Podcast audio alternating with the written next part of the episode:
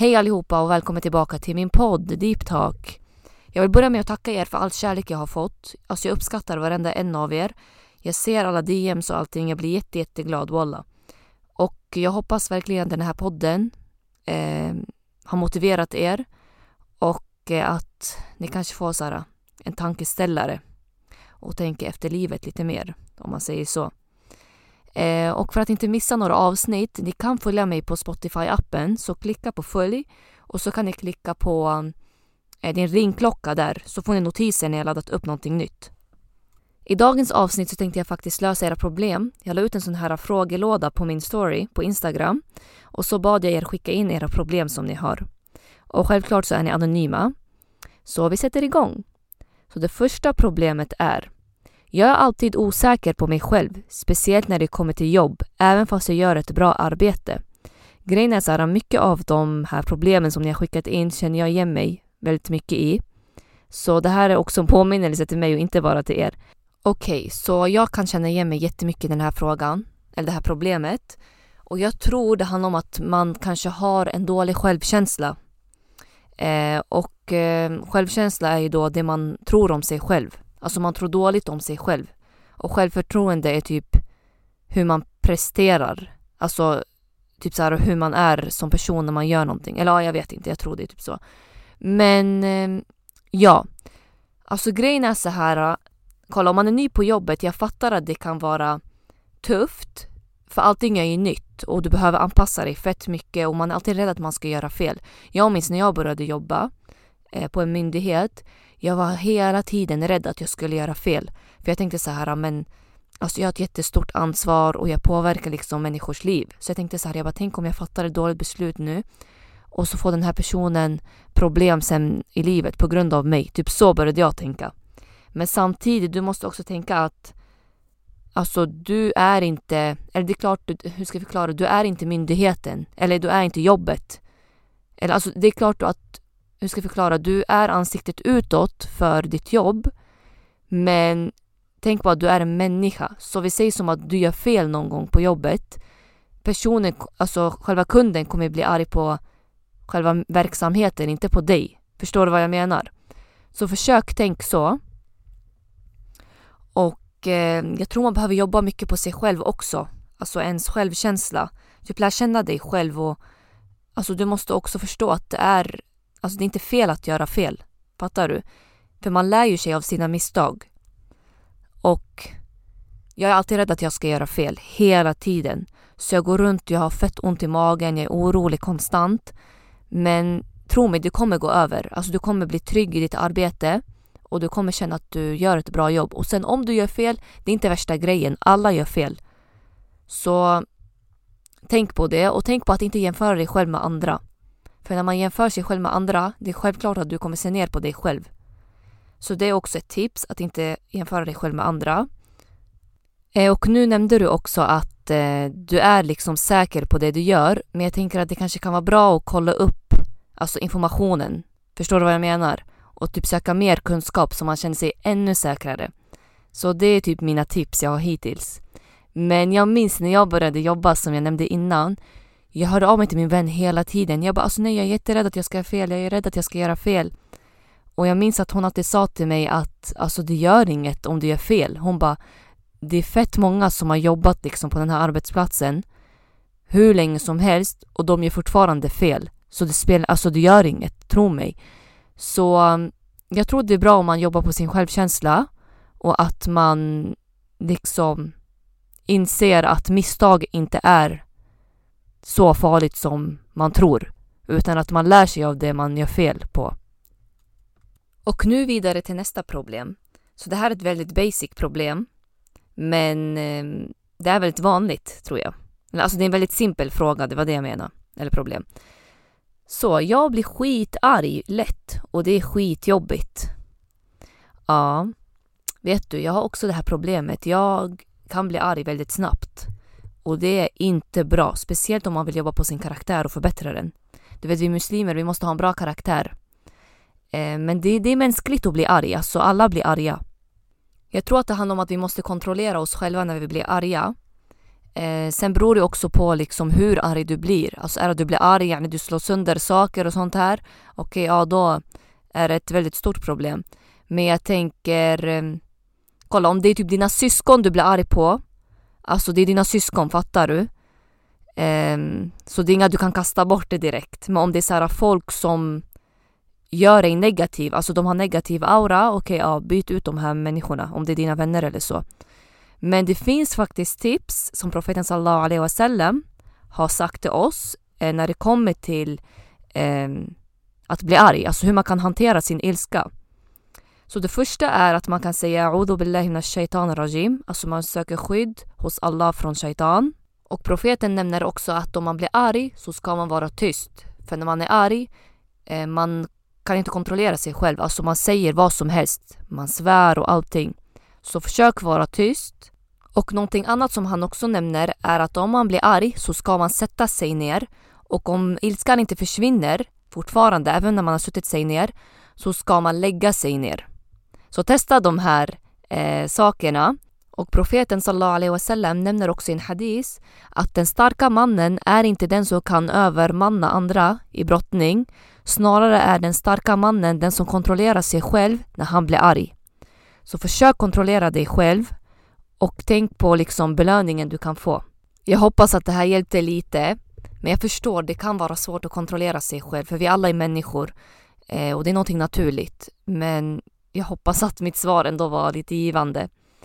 Eller gynnande, eller vad det heter. Ja, och nu till tredje problemet. Så då är det en som har skrivit så här. Syster, vad gör du när du drabbas av förluster i livet? Om det är pengar och så vidare. Kolla, vi muslimer, vi tror på ödet. Och på arabiska heter det qadr, eller qadar tror jag det heter. Eh, och vi anser då att Allah subhanahu wa ta'ala har skrivit ner allting för 50 000 år sedan. Så allting är redan skrivet. Yani vem vi kommer gifta oss med, vår inkomst, vart vi kommer bo, när vi kommer dö. Allt det här är skrivet. Men man kan faktiskt ändra sitt öde med hjälp av någonting som kallas för dua. Och dua är då åkallan. Jag är inte så jätteinsatt när det kommer till eh, det här med vad man kan ändra i sitt öde och inte. Eh, så jag kommer inte gå in i det så mycket. Men jag förstår att det kan vara jobbigt när man förlorar någonting. Det kan vara liksom allt. Men tänk på att det där var redan skrivet för dig. Det var skrivet att det här skulle hända så du kan inte ändra på det. Förstår du vad jag menar? Så det gäller att ha tawakkul och att ha sabr. Och som jag har nämnt i mitt förra avsnitt, tawakkul är då att man lägger sin tillit hos Allah, att man litar på Allah och tror gott om Allah. Och ha också tålamod. Och som Ibn al-Qayyim rahimahullah sa en gång, han sa att tålamod är för hjärtat att inte känna ilska mot det som är menat och för munnen att inte klaga. Så det här är inget du kan kontrollera över, det här var redan skrivet för dig och det enda du kan göra just nu är att ha tålamod och att inte klaga.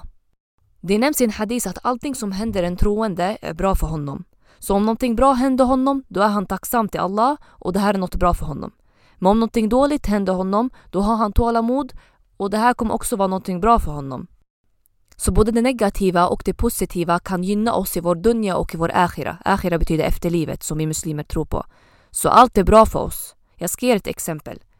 Vi säger som att din person, han får en sjukdom. En jättehemsk sjukdom, obotlig sjukdom. Men det här kan faktiskt gynna honom. Och nu kommer du säga, vadå, hur kan en sjukdom gynna en person? Det är någonting dåligt. Jag förstår hur du menar, men jag ska förklara lite mer detaljerat. Så, vi säger som att den här personen får den här sjukdomen och den här sjukdomen kanske är anledningen till varför han hamnar i Jannah. För inom Islam så tar sjukdomar bort våra synder. Vi säger som att den här personen kanske har många synder så Allah gjorde att han fick en sjukdom istället för att få bort hans synder. Så det här kan gynna honom i Akhira och han kan kanske hamna i Jannah. Men vi säger som att nej, den här personen fick inte någon sjukdom och han har jättemånga synder. Då kan det kanske vara möjligt för honom att han kanske hamnar i Jahannam, alltså i helvetet. Så den här sjukdomen kanske räddade honom och gjorde att han hamnade i Jannah istället. Förstår ni vad jag menar? Jag ska ge ett annat exempel också. Vi säger som att det är en person som kanske har sökt ett jobb och så får den här personen inte det här jobbet och så blir den här personen väldigt besviken och tänker ah, hur ska jag försörja mig själv och så. Men sen efter några månader så kontaktar en vän dig och så han kanske kollar läget med dig och så. Och så säger du, ja men jag har sökt det här jobbet, jag fick inte det här jobbet och så. Sen säger din vän, aha men jag hade en, en annan vän, han jobbade där och chefen var fett dålig och kollegorna. Eh, och sen så gick det här bolaget i konkurs. Eller ja, vad vet jag. Så förstår du vad jag menar? Så ibland kan Allah skydda oss från någonting dåligt. Ibland så tror vi att saker och ting går bra för oss men vi ser inte helheten, vi ser inte allting. Så säg alhamdulillah att du inte fick det du ville ha eller att du förlorade det du ville ha. Omar ibn al-Khattab, som då var profeten sallallahu alaihi wasallams sahaba, sahaba är då kompanjon. Han hörde profeten sallallahu alaihi wasallam säga en gång att om du litar på Allah så som han bör bli litad på så kommer han att försörja dig så som han försörjer fåglarna. De går ut tidigt på morgonen hungriga och de återvänder på kvällen mätta. Och förklaringen till det här är att kolla, fåglarna de har ingen ägare. Det är inte som en hund och en katt. Det finns eh, hundägare och kattägare. Utan fåglarna, de flyger iväg fritt. De är fria. Så de flyger ut på morgonen hungriga och de återvänder tillbaka till deras bo helt mätta. De har hittat mat. Och vi muslimer vi anser att det är Allah som försörjer oss. Det är Allah som ger oss mat. Självklart så måste vi gå ut och jobba och så men det är Allah som har gett oss liksom, det här jobbet. Det är han som har underlättat för oss. Att eh, liksom, ha tak över huvudet och att jobba och få mat och så vidare. Så om fåglarna hittar mat, om Allah försörjer fåglarna, tror ni på fullaste allvar att han inte skulle försörja oss? Förstår ni vad jag menar? Så försök lita på Allah och tro gott om Allah. Så tro mig, Allah kommer ge er någonting ännu bättre än det ni har förlorat. Så jag hoppas att du fick svar på din fråga, eller på ditt problem i alla fall. Och att det här kanske inspirerade dig lite. Och nu vidare till nästa fråga. Har svårt att skaffa vänner, eller ja, muslimska vänner. Känns som att alla muslimas, alltså muslimas är muslimska tjejer, jag träffar redan har sina grupper och de släpper sällan in nya i sina grupper. Okej, okay, jag förstår.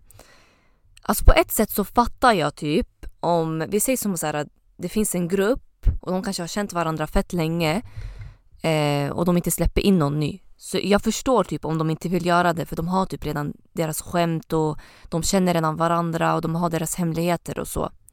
Men på ett sätt, jag tycker ändå att vi ska, alltså att man kan ge folk en chans. Fattar du vad jag menar?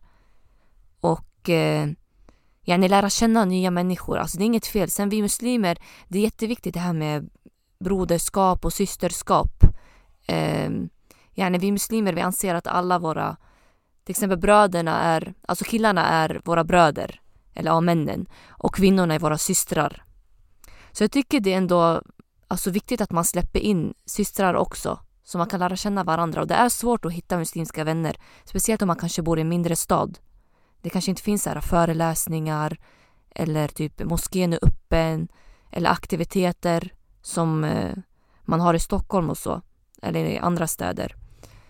Men ett tips till dig är att försök gå till eh, moskén och alltså försök vara social. Jag fattar att det kanske kan vara jobbigt så här. Du måste prata med nya människor och försöka bjuda in dig själv och så. Men ge det en chans och se hur det går. Sen om personerna kanske inte vill släppa in dig, då tänker jag så här, varför vill man vara vän med dem då? Alltså förstår du vad jag menar? Gärna om de ger en en dålig vibe, varför vill man vara vän med dem? Men om du känner att så här, ah, det funkar, typ gå fram till någon, säg typ så här, ah, men är ni nya här? Hitta på någonting bara, improvisera lite. Eh, sen så finns det också sådana här eh, grupper på Facebook så skriv ett inlägg där, typ så här, hej jag söker nya muslimska vänner. Vill någon gå till moskén tillsammans eller ska vi gå och ta en fika? Jag gjorde så en gång. Eh, jag flyttade till Uppsala ett tag och jag skrev, jag bara hej jag söker nya vänner bla bla Vill någon hänga? Och så lärde jag känna några faktiskt. Um, men jag lärde faktiskt känna en via moskén. Eh, hon brukade gå och be där väldigt ofta så jag lärde känna henne. Sen via henne så lärde jag känna andra också andra systrar. Eh, så jag tror utifrån det så kan man få vänner. Sen så tror jag också att det är viktigt att man gör dua, att Allah ska underlätta för en så man hittar rättfärdiga muslimska vänner. För bara för att man är muslim så betyder det inte att man är en bra kompis. Förstår ni vad jag menar? Så gör dua också att Allah ska underlätta för dig eh, under den här processen. Och nu vidare till nästa problem. Så den här personen har då skrivit föräldrar som blandar in sig angående giftermål gällande etnicitet för det passar inte dem. Så den här personen menar då att eh, hennes föräldrar blandar in sig i hennes giftermål, eller hon vill gifta sig med en person som har ett annat ursprung och hennes föräldrar lägger sig i på grund av hans etnicitet, vad jag har förstått. Så jag tror att det här problemet, tyvärr har väldigt många det här problemet, eh, många med invandrarbakgrund. Och jag tror att problemet i det här är att man väljer att prioritera kulturen före religionen. När man prioriterar kulturen före religionen så kan det uppstå väldigt mycket rasism. Och eh, islam förbjuder rasism. Så kultur och religion, det är inte samma sak. Det är två helt olika grejer. Och jag vet att många har missuppfattat. Man kanske läser mycket på sociala medier, vad tidningarna skriver. Det här med hedersvåld och jag vet inte vad. Men det här har ingenting med islam att göra ens. Det handlar väl bara om att det här problemet kanske finns väldigt mycket i Mellanöstern. Men bara för att vissa personer har den här religionen, det betyder inte att de är perfekta för det. För islam är perfekt men muslimerna är inte perfekta. Muslimer är, de är människor, de gör misstag, de syndar som alla andra människor gör också. Så ja, vidare till problemet. Men som jag nämnde, när man prioriterar kulturen för religionen så uppstår det här problemet. Ehm, för inom islam, Allah nämner i Koranen att han har skapat oss i olika liksom grupper eller stammar om man säger så, för att vi ska lära känna varandra. Okej? Okay? Så det är inget haram med att gifta sig med någon som har ett annat ursprung. Det är absolut inte haram. Och jag förstår om dina föräldrar tänker så här, ja ah, men det kommer krocka, men lär känna varandra då. Alltså lär känna varandras kultur. Jag tycker inte det är en ursäkt när man säger, ja ah, men det kommer krocka för att ni har olika språk eller eh, vi har en annan kultur, vi tänker så här, okej okay, men lär känna varandra då. Samma sak som att vi flydde till Sverige. Vi försöker anpassa oss efter, en, eh, efter det svenska samhället. Förstår ni vad jag menar? Det är inte så att vi var, ah, men nej det är en kulturkrock. Men alltså jag personligen, jag tycker att man ska lära känna varandra och slippa ha fördomar om varandra hela tiden. För när man har fördomar, det kommer inte leda någonstans. Och vi alla har våra fördomar. Så det är någonting normalt. Men det är det som är problemet tyvärr med många från Mellanöstern. De vill inte lära känna varandra för de... Många kan kanske se ner på varandra. Förstår ni vad jag menar? Sen nu vet jag inte riktigt om dina föräldrar är praktiserande eller om de kanske inte är det.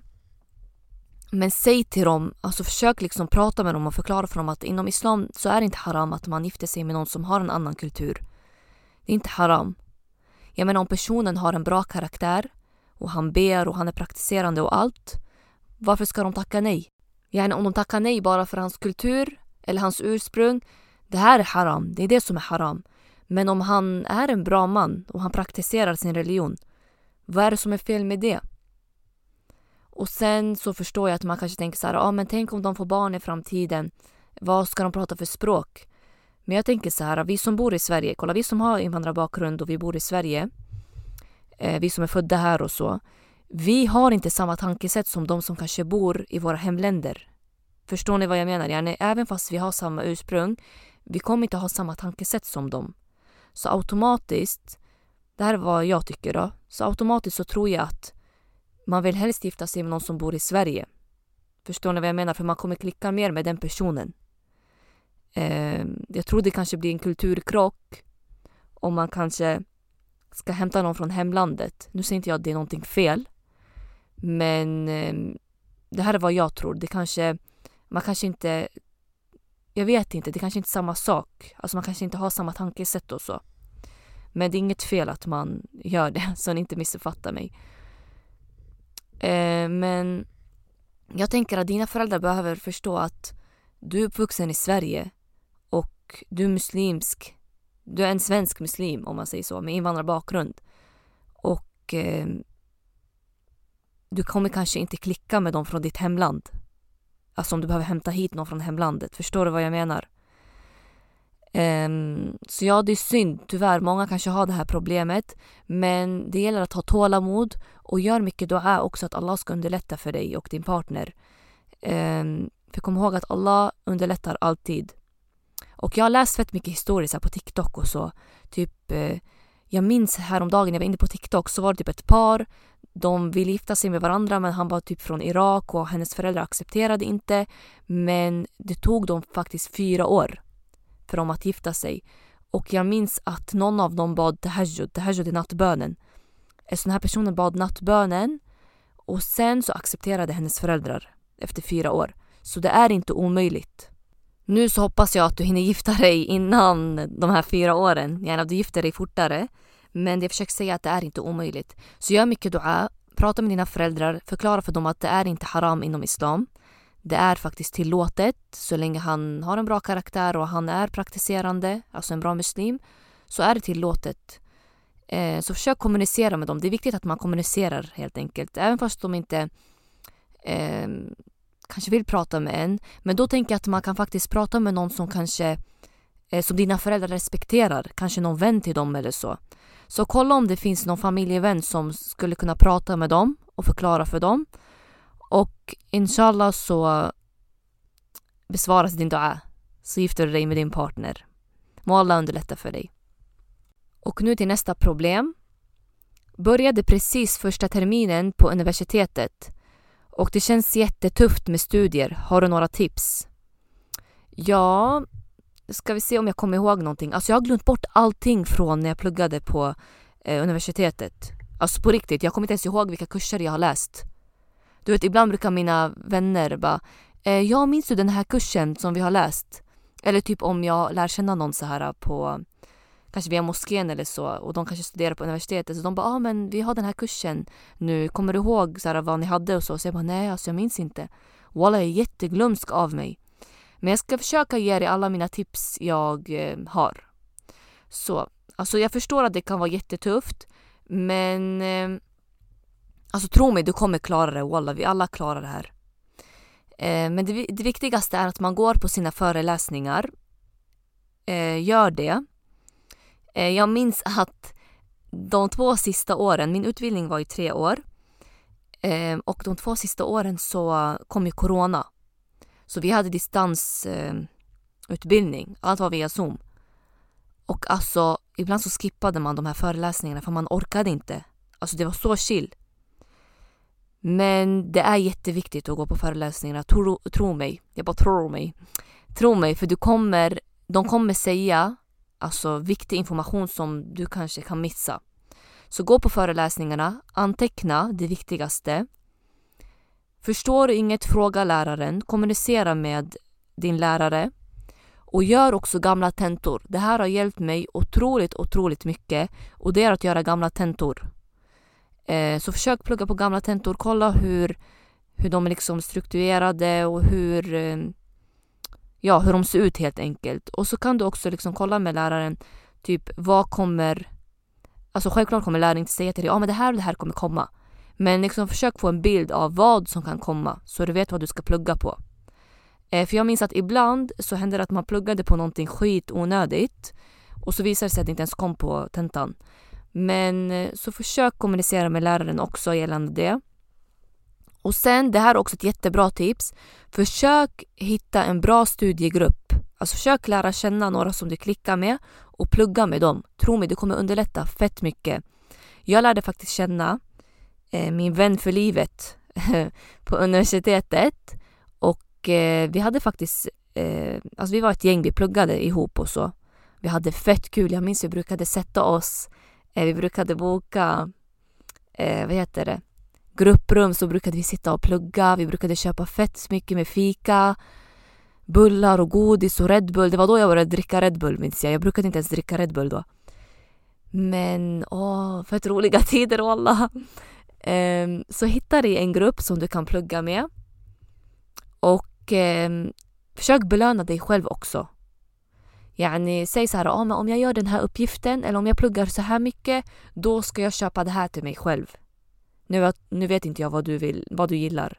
Men till exempel om jag gör det här, jag ska unna mig sushi till exempel. Så belöna dig själv Och sen så finns det också ett system. Jag vet inte vad det heter men det finns en, eh, en studieteknik man använder sig av. Jag tror man pluggar i typ 30 minuter. Sen tar man paus i 5 minuter. Eller så är det 25 minuter kanske. Men, men googla upp, jag minns inte vad det heter. Eh, men kör så gärna. Försök så här att ta pauser också. Det är superviktigt när man pluggar att man tar pauser. För annars blir det så att man inte kommer palla något mer. Och sen ibland så har man också dagar då man inte pallar.